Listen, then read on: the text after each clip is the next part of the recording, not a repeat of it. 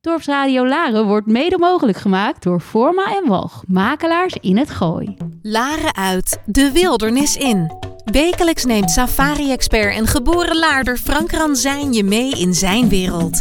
De wereld van ongerepte safarigebieden, de Big Five en de cirkel van het leven. Eten of gegeten worden. Een wereld vol safari-geheimen die hij met jou als luisteraar ontrafelt. Van de mooiste plekken om op safari te gaan tot de regels van de bush. Samen met prominente gasten uit de natuur- en conservationwereld neemt Frank je mee, Laren uit, de wildernis in.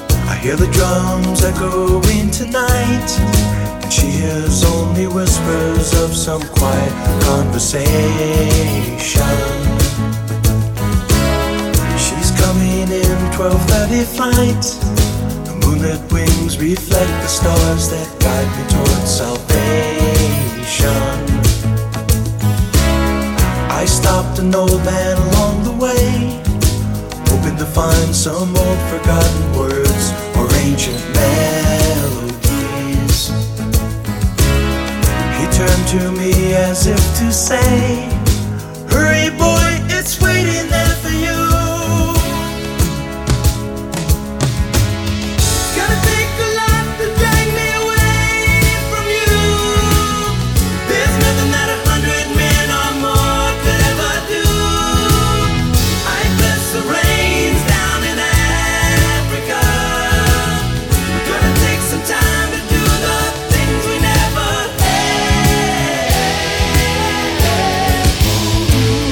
Een hele goede middag allemaal aan alle luisteraars hier vandaag bij Dorpsradio Laren. Waar we weer klaar zitten voor een uurtje van ons infotainmentprogramma Safari Geheimen. Vanuit de studio in mijn geboortedorp Laren, Noord-Holland, waar de zon altijd schijnt en de poffertjeskraam van mijn oude schoolkameraad Cornelis de Haan weer overuren draait. Ik zou zeggen, ontkurk een flesje bubbels of een lekker zacht wit wijntje. Laat de aardappels even de aardappels. En ga heerlijk zitten voor een uurtje reisinspiratie naar de uithoeken van het Afrikaanse continent. Safari Secrets, de travel design studio op het gebied van exclusieve natuur- en wildlife reizen. Met een vleugje giving back. Een reis waarbij jij dus direct bijdraagt aan het behoud van ongerepte natuurgebieden en haar bewoners. Zowel in als buiten de parken. Mijn naam is Frank Ranzijn, oprichter van Safari Secrets en podcast-host van de eerste en enige Safari-podcast van de Lage Landen. Mijn Afrika, mijn wildlife. Alle opgenomen afleveringen van deze radio- en podcastshow zijn natuurlijk terug te vinden op de podcast-apps van Spotify, Apple en Google. En tevens te vinden op mijn website van safarisecrets.nl. In onze radio- en podcast-afleveringen ontmoet je de experts uit de verschillende safari-landen. die straks uiteindelijk jouw reis, jouw reis uitvoeren op de bestemming. Je krijgt zo uit eerste hand de laatste en actuele tips en adviezen vanuit geheel Safari Afrika. Wil jij altijd al eens op safari met je geliefde? Of na een lange tijd van niet reizen weer terug naar het eh, geliefde Afrika? Samen met je partner, met je gezin of met de hele familie? En natuurlijk om iets heel bijzonders te vieren, dan help ik je graag verder. Na 30 jaar reiservaring in de pure bush van Afrika en India ontwerp ik 100% op maat gemaakte safari reizen. En natuurlijk, deze zitten vol safari geheimen en onvergetelijke nieuwe herinneringen. Vandaag in Safari Geheimen een zeer ervaren vrouw in safari toerisme. Ook zij heeft net als ik meer dan 25 jaar ervaring in de wereld van safari en conservation. Ik ken haar al heel mijn carrière als representative company van een aantal gerenommeerde safari lodges, safari operators en barefoot luxury hotels in de Indische Oceaan. Haar naam Stefania Zaporetti. Geboren en getogen Italiaanse en werkzaam voor Africa Reps. Now, it's time to switch into English and welcome my guest of today, Stefania Saporetti. Stefania, can you hear me? Hello. Hello. Yes. Ah, you can hear me. I can hear you too. How are you doing, my dear? Very well, thank you. And you? I'm well too. I was just telling in Dutch that we know each other quite well for a long time. We are both in the in the industry for more than 25 years. Um, oh yes. You are well known in the industry also. You represent the representation company Africa Reps, and you represent uh, several clients, like what I always say, the wonderful and most famous Beho Beho Lodge in the Selous Game Reserve, which is of course called now Nyerere. What I always uh, it, it's a hard a hard name to pronounce well, but that's the new name of the of the national park. You are representing Galenia Estate in in the Cape in in South Africa. Uh, Nkuringo safaris in Uganda, multi-choice safaris in Tanzania, and sunrise tours in Ethiopia. And I will, I will ask you, of course, uh, in about a half a minute time to do all the talking. I like to uh, let the listeners get to know your true stories and experiences from out of the bush, out of the places uh, where you are very experienced in. And we will talk about Beho Beho and we will talk about Uganda and a little bit about Zanzibar also. Um, I think let's start. We have to start. And I like to ask you, first of all, would you tell the listeners a little bit who you are, what what is um, um, keeping you busy in life? What is your um, just a little bit of your background? Sure. Well, uh, I've been involved in travel since I was quite young. At first was um, for study, and then uh, for passion, and then it became a job. So basically, uh, I've been working for about 40 years now, four zero.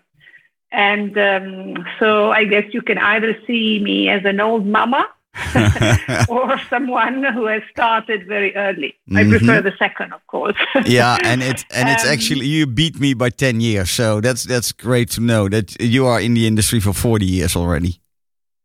Oh, well, yeah, we, we, we don't say the age though.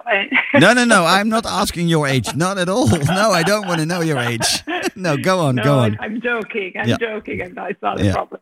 Yeah, I've, I've started when I was quite young, and I've I've covered different different jobs. Mhm. Um, I've been a tour leader in Italy for foreigners, and I still do that sometimes. hmm I've been expedition leader and guide in Africa, Safari Africa, but also West Africa and North Africa, in Peru.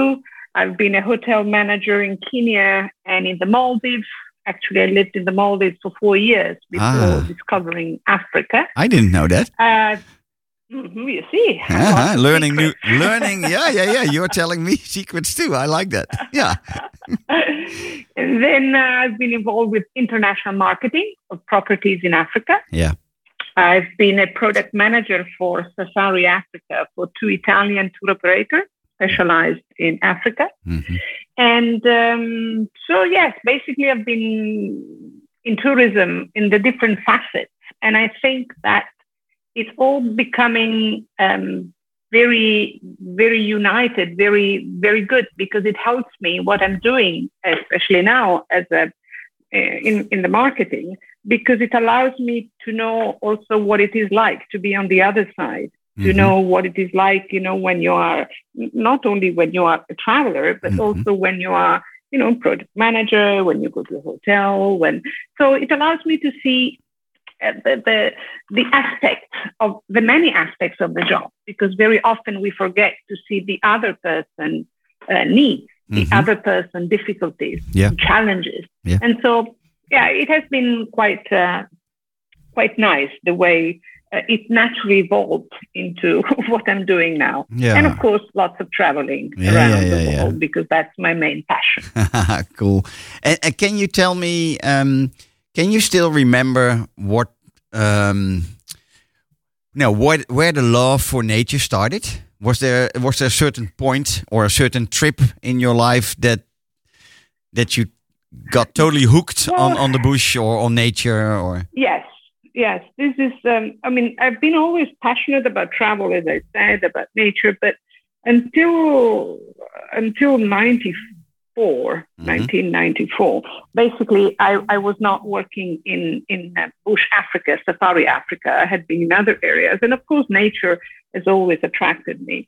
Um, the first passion with nature, wild nature, was when I started diving in the Maldives, because there you are really alone with, with nature in, Yeah. in its wildest um, aspect. Yeah. But then what clicked really was when um, I was asked, I, I was asked to, to move to Africa. I, had, I was supposed to manage a lodge in Zanzibar when Zanzibar opened up in 1995. hmm And so I, I went there on, on scouting to see it. Mhm. And after that, we went on a safari. And and that was Tanzania many, many years ago. Yeah. And that was when bang, it happened. And I just I just wanted to, That's where be you, there more where and you- more. yeah, that's where you got the fever, the famous Africa fever. Yeah, nice. Absolutely. Yeah, nice to hear. Um, I like to start out talking about one of your uh, the very special places you represent, which is Bayo Bayo in the Selous, or in the new name Nyerere National Park. Um, can you tell us, the listeners, what makes Bayo Bayo so special? Well, there are many things that make Bayo special, but um, you can also you can also explain a little bit about the Selous. Eh? I leave it up to you what you can what you can uh, Yes, tell I the think, well, tell the I people. think the two things uh, uh, go together, go hand in hand. Actually, Beho, which means cool breeze, hmm was the first camp built in the Selous Game Reserve. Uh, Game Reserve used to take the name from Selous, the famous hunter, Yep. who died there in uh, on the 4th of January 1917. hmm And the, the grave of Selous is actually very close to where Beho Beho is located. Yeah. So Beho Beho, as a property, as a camp, is located on a small hill, hmm and it's it's not on the river, on the river Rufiji. Lots of people tend to associate the Selous Game Reserve or Nyerere National Park with the Rufiji River, but it's not so. Mhm. Um, I think what makes let's call it Selous, which is uh, the, the the historic name. I like What it. I like it also. I like that name so much better. So let's call it the Selous Yeah, I for mean, today. Nyerere, of course, it's important in Yeah. the history of Tanzania, Yeah. but um, Selous is what everybody has been knowing. Yeah, yeah, yeah, So correct. let's, let's call it this, this way. And so, what makes Selous unique is the fact that it is um, different, different from from from the north. It's different from everything. It's uh, it's a huge expanse of nature and wild, wild nature. In English, you know, you also have the word wilderness mm-hmm. uh, wildness, uh, not only wilderness. Mm-hmm. And I think it, it, it expresses this very well because you have almost no no human, no human has been there. It, it's a huge, a huge, huge reserve, and it's difficult to think about it because in general people think of the small area for photo safaris. And until November 19, to 2019, um, the area open to photo safaris was only 8%. Mm-hmm. But 8% of that huge expense means twice the size of Luxembourg. Yeah. Okay. So yeah. just to put things in, in, in mm-hmm. proportion. Yeah. And after November 19, 2019, the government has decided to divide it up into two wildlife sanctuaries. One was is the new Nyerere National Park, which is more than 30,000 square kilometers. So it, it covers more than 50% of the old game reserve. Mhm. And the other, the other part has remained as it was, basically reserve, hunting, whatever. Yeah. So we are talking about the biggest, the biggest park in Tanzania, but also one of the biggest in, in general. Yeah. Uh, just think that Kruger, and everybody knows Kruger because it's, it's South Africa, it's very well known. Kruger is 19,500 square kilometers. So here you understand how big this, prop, this, this, this nature reserve is. And it's basically um, un- uninhabited. There are very few camps. So it's pure, pure wilderness, a paradise for, for, for nature, a paradise for animals, and um, also quite unique because it's on, on the transition zone between East Africa and Southern Africa. So you have lots of endemics as Mhm. well. Mhm. And uh, um, in terms of safaris experience and in terms of game, in terms of plant being so huge, it's mm, every area is different from the other. So, uh, in going back to Beho Beho, the, the camp, the camp was the first camp being built there, and it was built by hunters. hmm And, and hunters normally choose something which is very, very practical. It has to be as healthy as possible, meaning um, as, as far as possible from mosquitoes and animals. It has to have its own water. And in fact, Beho has its small river um, with a permanent um, hippo pod. hmm And um, it's on a hill, so there is a gentle breeze, which is coming very handy when it is uh, when it is um, hot and sticky because uh, we are low. I mean, the park is um, it ranges between 80 meters and 1,300, but the average of the park where people go on safaris would be 100, 200 meters above the sea level. So uh, temperature wise and weather wise, we are talking about, um, um, you know, similar to, to Dar es Salaam, Yeah. more or less. Yeah, So it's yeah. hot, it's humid, lots of palm trees, lots of water everywhere. Yeah. And um, Very tropical. so you have all this very tropical, Very very, tropical. tropical, very green. Yeah. Amazing if you are interested in birding as well Mhm. um, when it comes mid-December, you have all the birds coming from from Europe down south, Yep. and it's just a paradise for bird watchers. Uh, but not everybody likes birds, so um, even though I'm sure that if you happen to be there when uh, when when so many birds are around, everybody would just fall in love with it.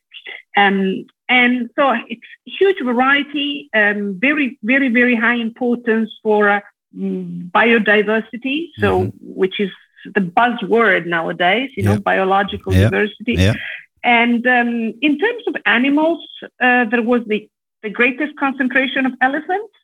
We unfortunately had a big problem with poaching. Mhm. Hopefully, it has stopped a bit in the last years, but mm, 10, 15 years ago, uh, there's been, it, it started the problem with poaching. So the numbers have gone down, but still, there are more than 10,000 elephants, which is a huge amount. It's one of Mhm. the highest concentration of hippos, crocodiles, um, then wild dogs are resident and one of the highest uh, and largest uh, presence of wild dogs. Mhm. Uh, there are mm, all the plain game, and of course we have lions.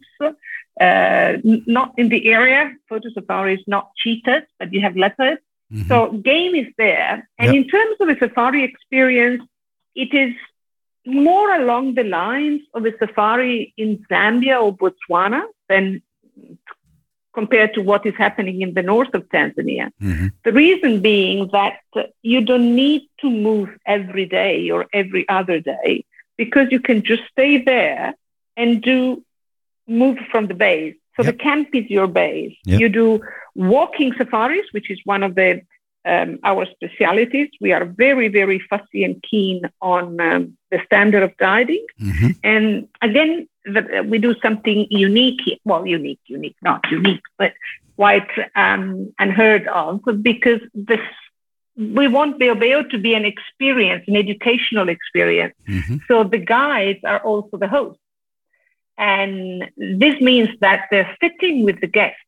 And guests have a lot of opportunities to learn about the country, to learn about what they've seen, the terrain, the landscape, the birds, their passion. And they decide together what they're going to do tomorrow. Do you want to walk? Then we go walking. Do you want to go driving? We go game driving. Then we also have a boat, exp- boat safaris, but we don't go to the river we we have the almost exclusive use of Lake Tagalala, which is a huge lake, and and you go there and you do your boat safaris, and so it, it's really staying. We have a minimum requirement of three nights because we think that if you stay less than three nights, really it's not worth it because you don't you don't have the chance to do the minimum, Yep.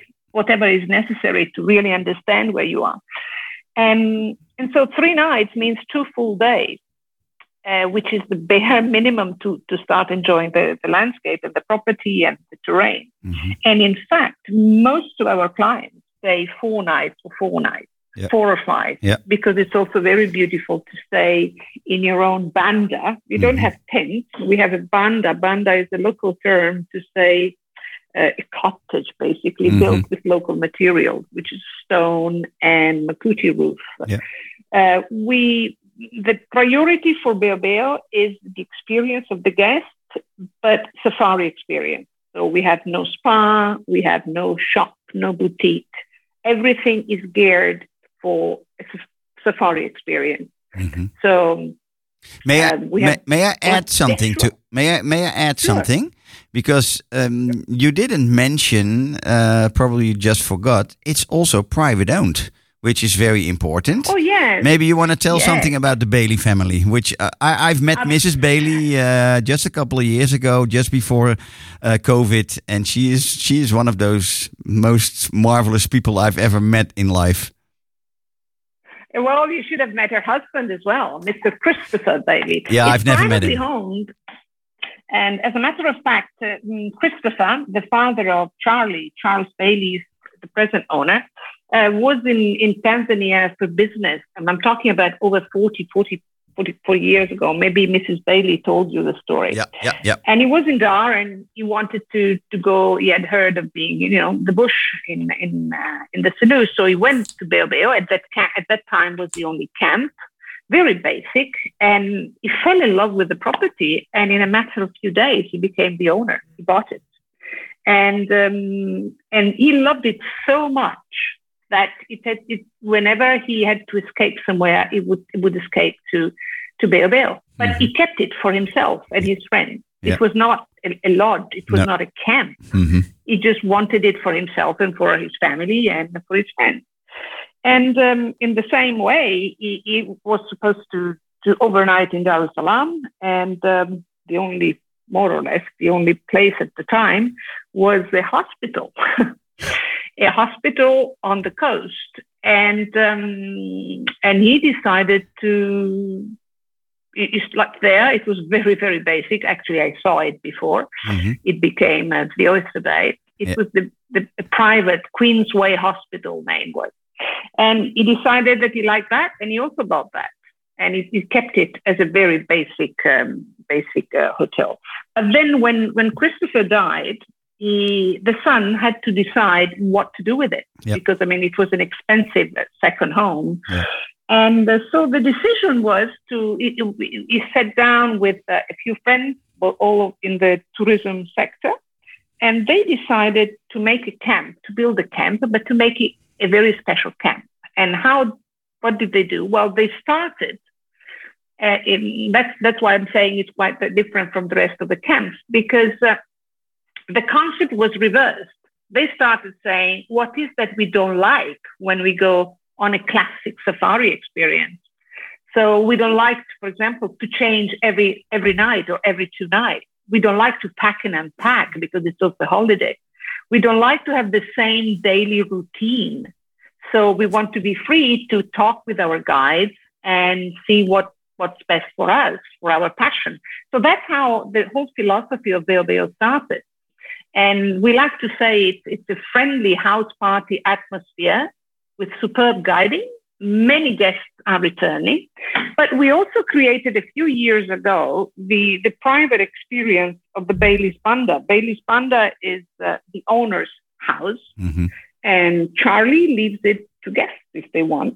So uh, there is this private cottage, private owner's house, uh, same style, so Makuti and Stone Cottage, and um, and it it is something which I see very fit for European clients who are not so so fluent in English because it allows you to not to have to speak English all the time, Yeah. not only during the day but also at night when you sit with guides and the other guests. Yeah. So it is something that uh, you know Italian, French, uh, Swiss, Spanish um, have appreciated a lot. Um, North Americans prefer the camp because they're more Mhm. jovial, they're more into the camp life. But I, so I we have, this, both this option. yeah, I've seen it myself, eh, and it's a beautiful private villa f- uh, for small families. Also, very uh, suitable for families. Um, Yeah, and everything is private. I Yeah. mean, private guide, Yeah. private meals, Uh, you have a Private- private butler, private pool. private vehicle. Yeah, yeah, private yeah. pool. But now you see private pool. Now every every banda, also the main camp, has a private deck and a private plunge pool. So now all the bandas, the seven bandas of the main camp, are also um, also have individual plunge pool. Yeah. Plus, yeah. of course, the main camp uh, swimming pool. Well, and uh, so yeah, I, I, we think it, it's it's a perfect uh, option. You know, you want to stay in the camp, you want to have enjoy camp life, you stay in the main camp. You prefer to have everything private, then you have that option. And we have two bedrooms in it, up to five people can stay there. Perfect for a family, perfect for uh, some friends traveling together. But you know, if there are six friends traveling together, we can or eight, we can also give a couple of bandas and then make every move everything to the main house, to the sorry, not to the main house, to to the private um, Yeah, yeah, banda. yeah, yeah, So yeah. up to eight people, we can do everything private. Yeah. So basically, this is um, this is what um, uh, BOB was all BOB about. and Yeah. And and Uh, I maybe we want to talk something about the weather. Do you want to know something about when is the best for safaris? Yeah, yeah, or yeah. No? and then we will go on to the next uh, subject. Yeah. Yeah, well, uh, well, I think uh, two things for for um, for weather. Weather is basically we keep open. We are open uh, from June until March, and then so experience the safari experience may change a bit, but um, it's always good. Then we close during the long rain, mm, which is March to end of end, end of May. Yeah. Um, the best time for for safari, if one wants to spot animals easily, uh, then it's the dry season. So it would be from June until October. hmm Uh, everything is dry. So yellow, yellow is easier to spot animals. Yeah. And then they're so thirsty that they, they come to the water and you see them. Then you have the short rains around November. Life is coming back to the bush. And it's a sort of spring in the months of December, January, February. So you, you can have rainstorms, but you have everything green. So animals are there, but it can be a little bit more difficult to spot them. Yep. But you have birds, and it's fantastic for photos. So it's always good. Just keep in mind that if you like it cooler in terms of temperature, July, August, early September is the best time. Uh, November, December, October, November, December, January, February can be hotter. Okay. And uh, we didn't say something which is also very important, and it's applying not only to Beho Beho, but also to the other camps or properties they represent. We are very keen on conservation hmm um, very often now conservation or sustainability has become a sort of a buzzword in the last years. But in fact, in, in, in Africa, and especially with properties as small as the properties I represent, um, sustainability has always been there because we that was the only way, the natural way to operate. Unless you are sustainable, you, you cannot go on. You cannot. Uh, so what do we do? Well, we don't use plastic water bottles, uh, but we use reusable canisters. We are very aggressive um, in the waste management system, dividing up into compostable, burnable, recyclable, returnable.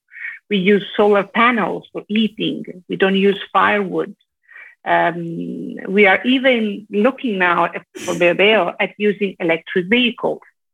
Uh, staff, staff is taken as much as possible from the local community and their help in their learning and growth. Um, we use food from local suppliers as much as possible. Sometimes that's not good enough for the client, but we, we use it for the staff uh, Yeah. Yeah. kitchen. Yeah. Uh, we try to incorporate African dishes into the menu, of course, revisited, but so that the guests can enjoy and understand the local. So basically, uh, I, I think it's important to, to stress that um, sustainability in all its exceptions, meaning, you know, economy, a social and environment is absolutely part of our philosophy. Cool. Thanks for sharing uh, all this about Beho Beho. Um, we are doing a small song, a Tanzanian song, which is called Toroka, and then we go on, uh, Stefania. Okay?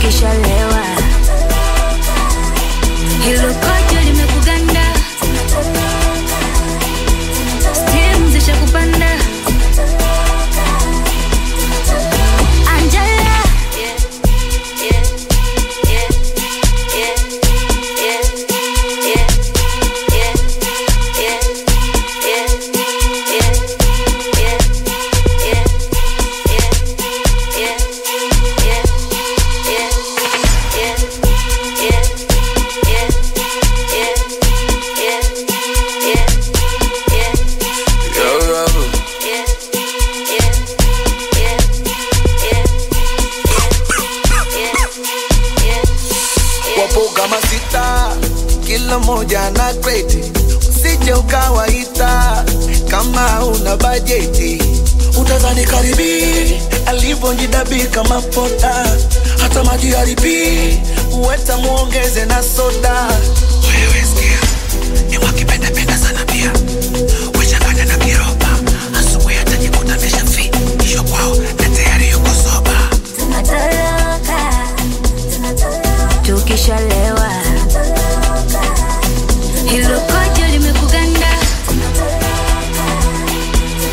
a very nice song this is. What a rhythm, what a great music. What about what do you think about it? Stefania, can you still hear me? Yes. Yeah. Yes, What do you think I about- thought- what- thought- What do you think about this uh, this song? I like it very much. It's that I, I could I don't speak Swahili, but I understand a few words. Yeah, yeah, yeah, yeah, yeah. Nakupenda, nakupenda. Ah, okay. Let's let's go on with our uh, with our conversation. I like to talk with you about Uganda. Uh, I know you have great stories about two of those very famous experiences in Uganda. There is much more than that, but let's talk about Nkuringo. And I think you want to tell us a little bit about Nkuringo safaris and. And probably you would like to talk a little bit about the chim- chimpanzee and gorilla experience in Uganda.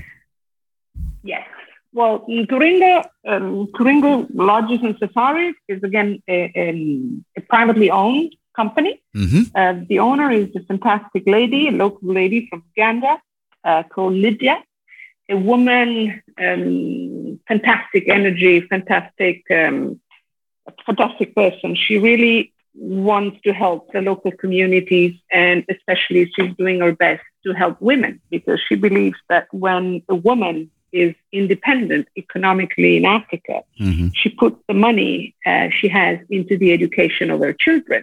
And so, if you educate your children, it will be um, the country. The country will, will, will be well. hmm So she does a lot, not only for for nature, but also for the local community. She's involved in so many things that it's almost impossible to summarize here. But on the website, everything is written. We go from planting a tree to pack your bag, meaning um, if you want to help us, put in your bag things for the local clinic or for the school. She's helping the local orphanage.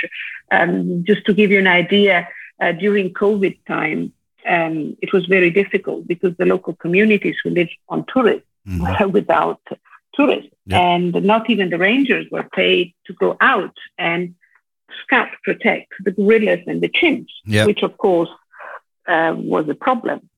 And uh, so what she did, she she set up um, a donation in, I think it was Charge Org organization, and Mhm. she managed to collect a few thousand dollars, and she bought food for the local communities and the rangers.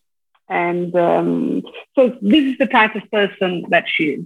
The lodge um, is um, the lodge that we are talking. She has also guest house in Entebbe. That because it often the airline, the timing of the airline, uh, demands an overnight Yeah, in yeah. Entebbe. Yeah. But the property really that I would like to talk about is the property close to the gorillas, which is the Nkuringo Bwindi Gorilla Lodge. hmm Uh, the lodge is located at 2,160 meters above the sea level, hmm so quite high.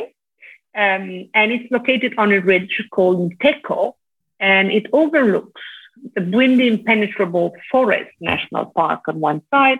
On the other side, the uh, Virunga volcano. So Yeah. the view is absolutely stunning Yep. and it is five minutes walk from the park rangers where you go for your your briefing the day of your walk. Yeah. Nkuringo is in the south. It was developed much much later than Bu- Buhoma, and in fact, when Lydia arrived there, and she arrived there with uh, with the German friends to help the local community. It was back in 2007. You had no gorilla safaris um, w- w- trucking from there. It was just a forgotten land. hmm Um, it's not far to give you another idea to from Kisoro. In Kisoro, um, that Kisoro is close to the border with Rwanda. Okay, Mhm. just to look, help you with location. And then they decided that they needed to help the local community. So how best to help the local community? Well, to set up a, ca- a, camping site. And then this camping site became a very basic, uh, simple lodge. I Mhm. used to, to I, I used to call it IKEA style lodge because everything was there, was, was very simple. Yeah, yeah, yeah, yeah. And then, you know, then we arrived, and we, of course, in- five minutes from um, the very um, the very exclusive uh, lodge called Cloud. So that's the same area. Yeah, yeah. We yeah. we suggested Lydia that there was a need in the market, a gap, because that's part of our job with Phil. Um, there was either top, top, top deluxe clouds, or there was a very basic uh, um, room. But what about most of the clients who are travelers who want a middle, uh, a middle level, Yeah. clean? Yeah. And so that's why the lodge has been uh, completely re- redone. Yeah. And uh, um, and now she has uh, very nice cottages, also families villas. She's just opening now three new forest suites. So it's only cottages in the village. So it's um, uh, it's the experience of life in a Ugandan village, which is Mm. something um, I think very nice because very often people combine Uganda with either T- uh, Kenya or Tanzania. In Kenya and Tanzania, you're mostly always in the bush Yep. and in nature. You, It's Mhm. very difficult to get to see how people live and what they do. Yeah. In Uganda, you have this possibility, which I think is absolutely stunning. So you are in a village, and you, if you want, you can do. Of course, we push for that. Uh, the tour of the village, you go and see the tailor, you go and see um, the hairdresser, the barber shop. So you see how the village lives, uh, the, the, the pharmacy, the school, the orphanage. And at the same time, you are within walking distance from the Bwindi Impenetrable National Park. Mhm. So uh, activities that you do, there are plenty, plenty of activities to do. Um, of course, gorilla, gorilla tracking to me remains one of the most incredible experiences that a person can have. Um, I still remember extremely well the first time I went on a gorilla tracking. That was many, many years ago.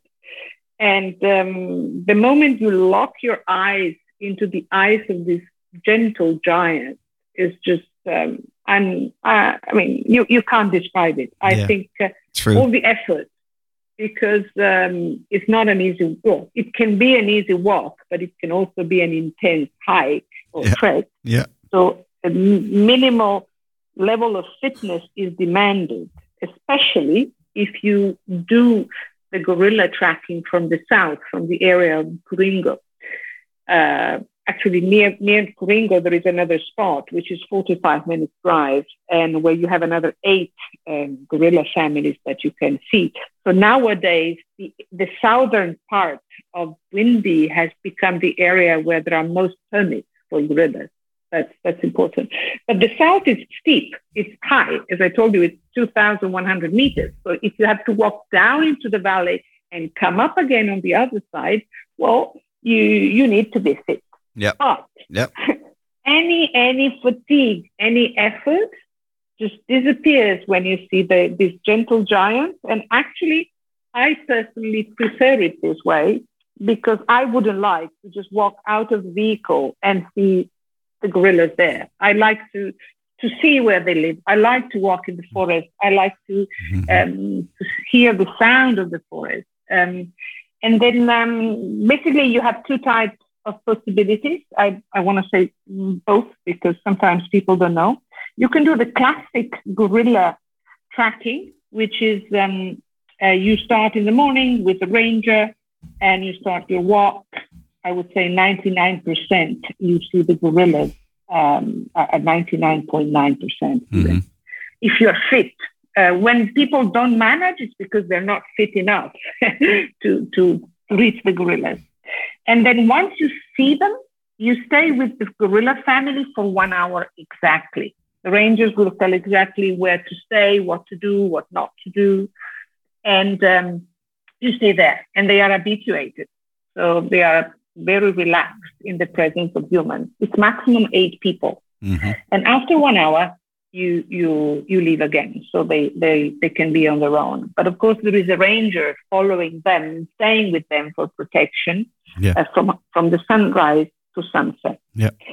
Um, but then there is another possibility close to Nkuringo. There is another one, another spot where you access point to gorilla tracking, where you can do experience the under habituation uh, mm, gorilla tracking, which means uh, that you have uh, four hours with the gorillas, not only one, but you have four hours.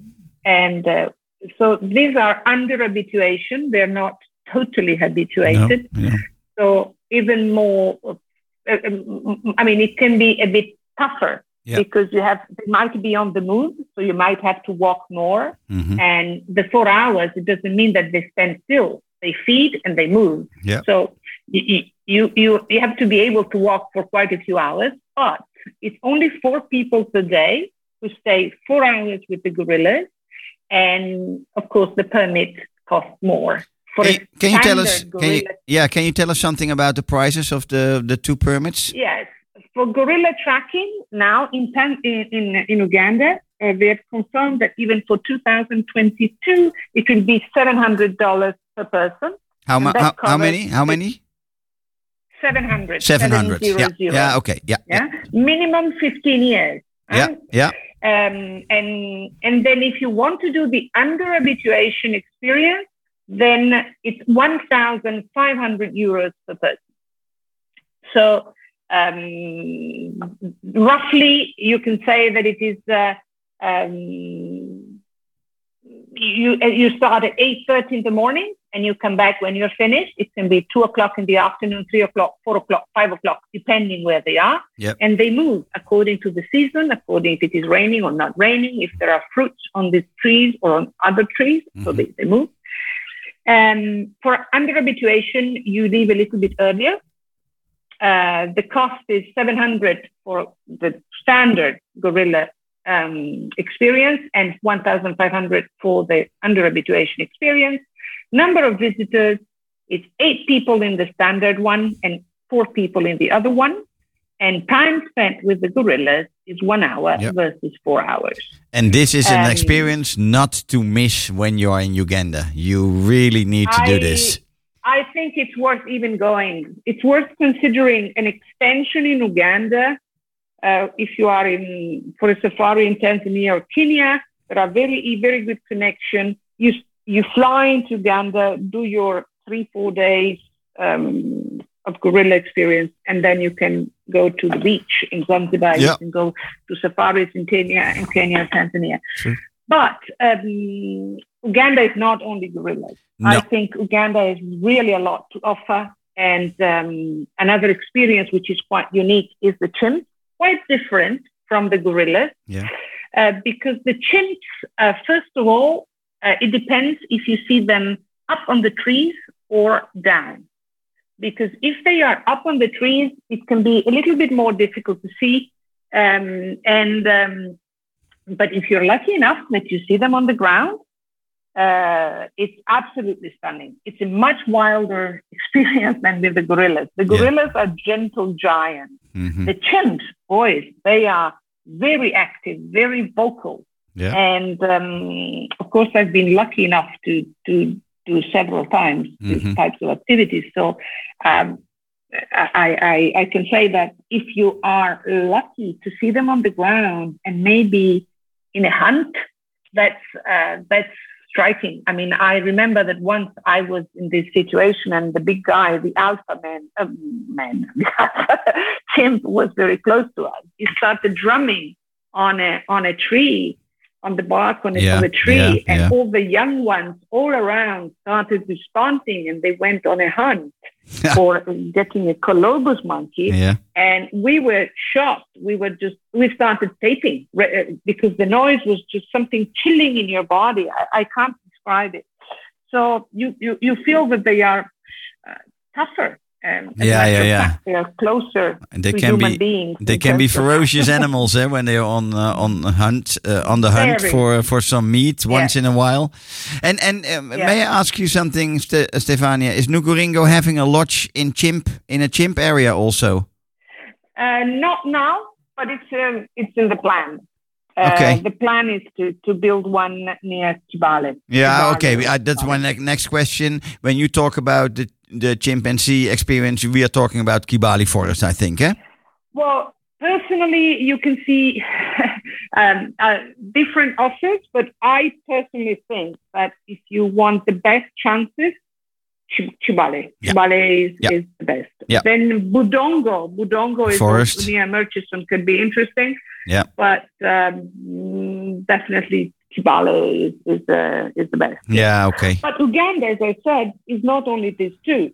You can do very, very good safaris, especially I love Murchison Falls National Park. Mhm. Uh, I think it's absolutely stunning.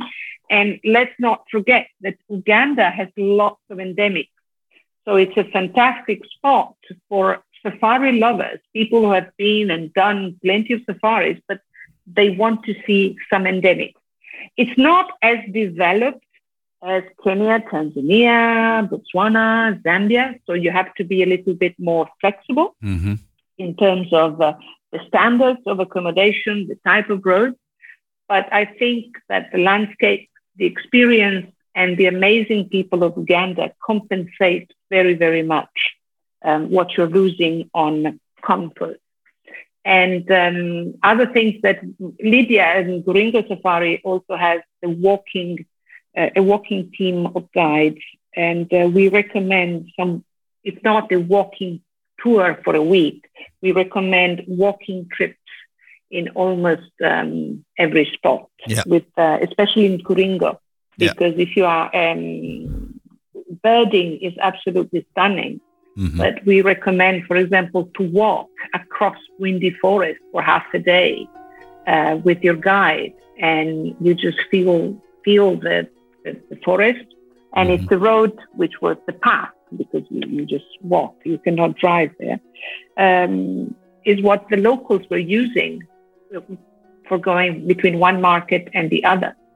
So that's one incredible experience. Another way of knowing locally and also helping the local community. For example, we recommend um, boat. It, it's, it's a dugout canoe, basic, basic, like the ones which were in Botswana, uh, with a paddler, and you go across a lake, and you can start in Kisoro. You can do one hour, two hours, three hours. So there are plenty, plenty of things that you can do off the main track Yeah. and to make the destination extremely interesting. And um, but yes, it's uh, it's a little bit uh, more adventurous. hmm It's expensive because park fees are high. Yeah. So um, it's important that people know that what they're paying is not going all on accommodation. Actually, I would think the majority of the of the expenses would be to cover park fees, gorilla fees, chimp fees, but they're definitely worth it. And um, and so yes, I mean this is um, what I would I would personally recommend. and even in a place like Nkuringo Bwindi Gorilla Lodge, I would if people are into nature and uh, into local life in Africa, I yeah, would cultural life. say Yeah, three, four, nights. three, four nights. Yeah. Uh, it's absolutely, and it's it's a comfortable lodge. It's not as luxurious as Beho Beho, in term, and but of course the price is also different. And uh, but it's a fantastic property, and um, uh, and with really really flavor local uh, local flavor. So. I would definitely recommend it, not not just because I represent it, but no, no, really- no. I know. I really think like you're it. totally true. Um, you will hear a little bit of music in the background, which means that we are almost out of time. Sorry. Already? yeah, excuse me. The hour is, uh, is almost there. Uh, but not before you promise me to do a second episode with me because we only touched two of our subjects. Uh, so hopefully you are willing to do another another episode with me. It doesn't have to be next no week, but be of course I'd I like to talk too much. no, you don't talk too much. You have you have good good information and great stories. So um, no problem at all. As long as you promise me to do a second one later on, then we can talk about the Zanzibar collection. We can talk maybe also a little bit more about Ethiopia. Hopefully, the political situation in Ethiopia will be better in a couple of months' time.